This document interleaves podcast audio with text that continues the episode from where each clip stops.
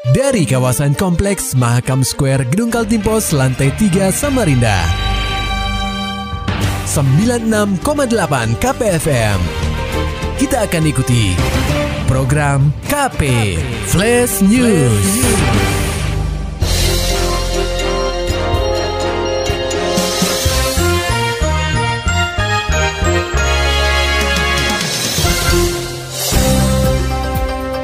Pendengar KP saat ini Anda sedang mendengarkan program KP Flash News bersama saya Ian Krisna. Berita utama. Kontribusi salah satu BUMD kecil, Ketua DPRD Kaltim minta di merger. Laporan selengkapnya disampaikan reporter KPFM Samarinda, Maulani Alamin. Pendengar KP, Ketua DPRD Kaltim Hasanuddin Masud mengakui bahwa satu dari delapan perusahaan daerah atau perusda di provinsi ini tidak bekerja maksimal. Hasan mendorong agar Pemprov Kaltim mengambil langkah tegas seperti melakukan merger atau menggabungkan perusahaan tersebut dengan perusahaan lainnya. Menurut Hasan, dengan dilakukannya merger pada perusda tersebut, maka pengeluaran APBD dapat dialokasikan ke ranah pembangunan lainnya. Menginginkan untuk perda-perda yang tidak aktif seperti itu lebih baik kita merger saja. Jadi menjadi kecil lah. Jadi kita jangan terlalu banyak. Ya paling banyak 5 sampai berapa daripada kita membuat itu kan sayang ada biaya operasional overhead yang besar jadi itu juga jadi catatan ya Ketua DPRD Kaltim Hasanuddin Masud berharap hadirnya Perusda atau badan usaha milik daerah dapat memberikan kontribusi terhadap pendapatan asli daerah di Kaltim. KPFM Samarinda, Maulani Al-Amin melaporkan. Pendengar KP Polresta Samarinda mengobrak-abrik aktivitas penambangan batubara ilegal yang berlokasi di Muang Dalam, Kelurahan Lempake, Kecamatan Samarinda Utara. Dari hasil penindakan ini, dua pelaku yakni Ismail dan Jumain Saputro langsung digelandang ke Mako Polresta Samarinda untuk menjalani proses penyelidikan. Kapolresta Samarinda Kombes Pol Ari Fadli menerangkan kedua pelaku diamankan di tempat terpisah Ismail yang berperan sebagai pencari dan penyewa tanah serta memberikan perintah untuk melakukan penambangan dibekuk pada Sabtu 19 November 2022 di lokasi penambangan di Jalan Muang Dalam.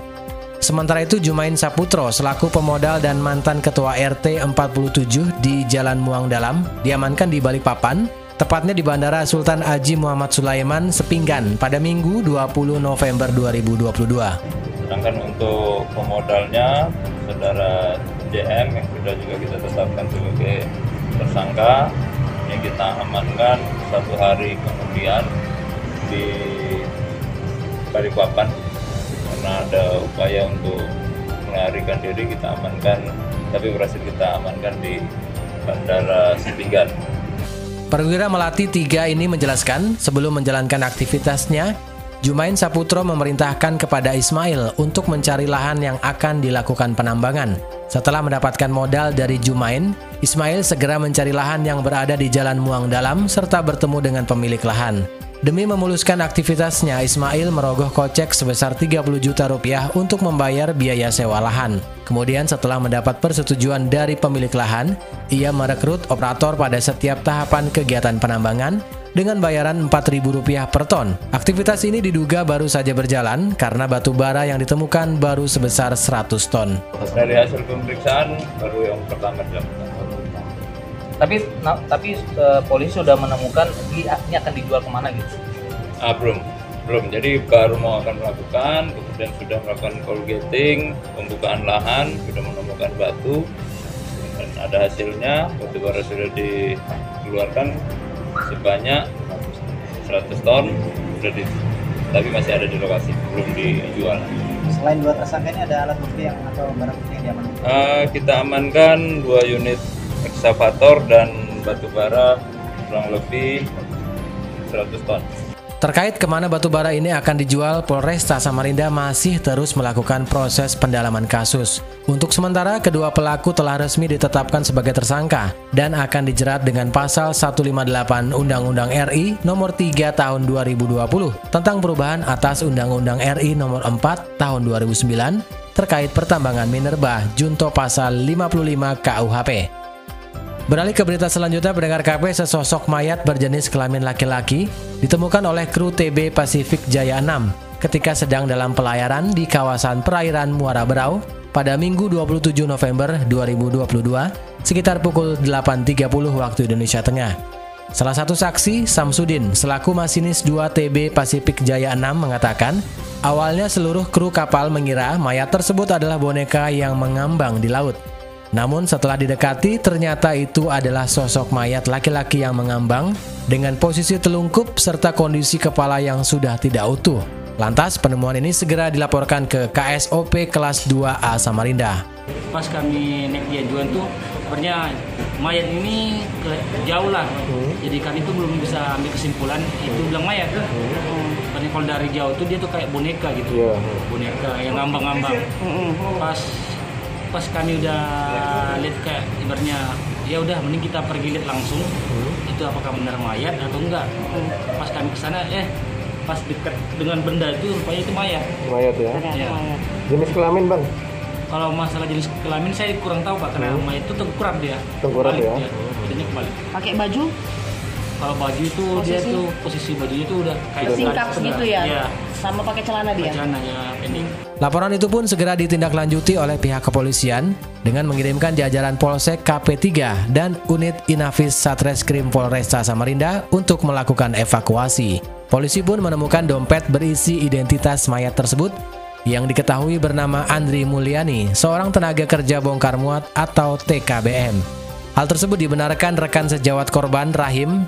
Ia menceritakan sebelum dilaporkan hilang pada Jumat 25 November 2022, korban sedang melakukan bongkar muat amonium nitrat di perairan Muara Brau.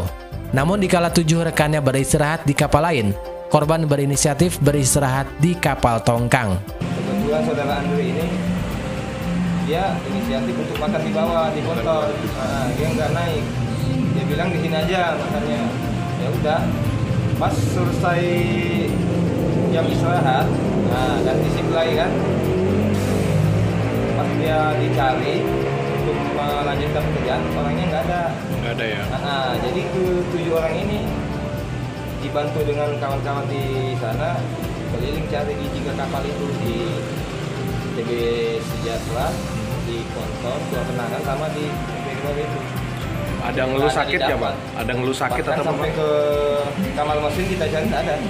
Dikonfirmasi terpisah Kapolresta Samarinda, Kombes Pol Arif Fadli menyebutkan bahwa pihaknya telah mengevakuasi jasad korban ke RSUD Abdul Wahab Sarani guna menjalani visum. Untuk sementara pihaknya masih menunggu hasil visum untuk mengetahui penyebab kematian korban. Nekat lompat ke Sungai Karangmumus. Pemuda 23 tahun ditemukan meninggal dunia. Laporan selengkapnya akan disampaikan reporter KPFM Samarinda, Muhammad Nur Fajar.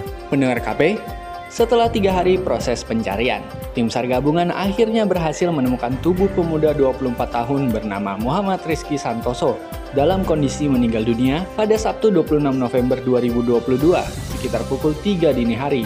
Berdasarkan pemberitaan sebelumnya, pemuda 24 tahun bernama Muhammad Rizky Santoso nekat melompat ke perairan Sungai Karangmumus atau SKM, tepatnya di Jalan Hasan Basri, Gang 2, Kelurahan Temindung Permai, Kecamatan Sungai Pinang, pada Kamis 24 November 2022 sekitar pukul 00 dini hari. Kepala Kantor Pencarian dan Pertolongan Balikpapan, Melkianus Kota menuturkan, jasad korban ditemukan sejauh 300 meter dari lokasi dia menceburkan diri. Tubuh pemuda 24 tahun itu ditemukan tersangkut di kayu yang mengambang di perairan Sungai Karangmumus.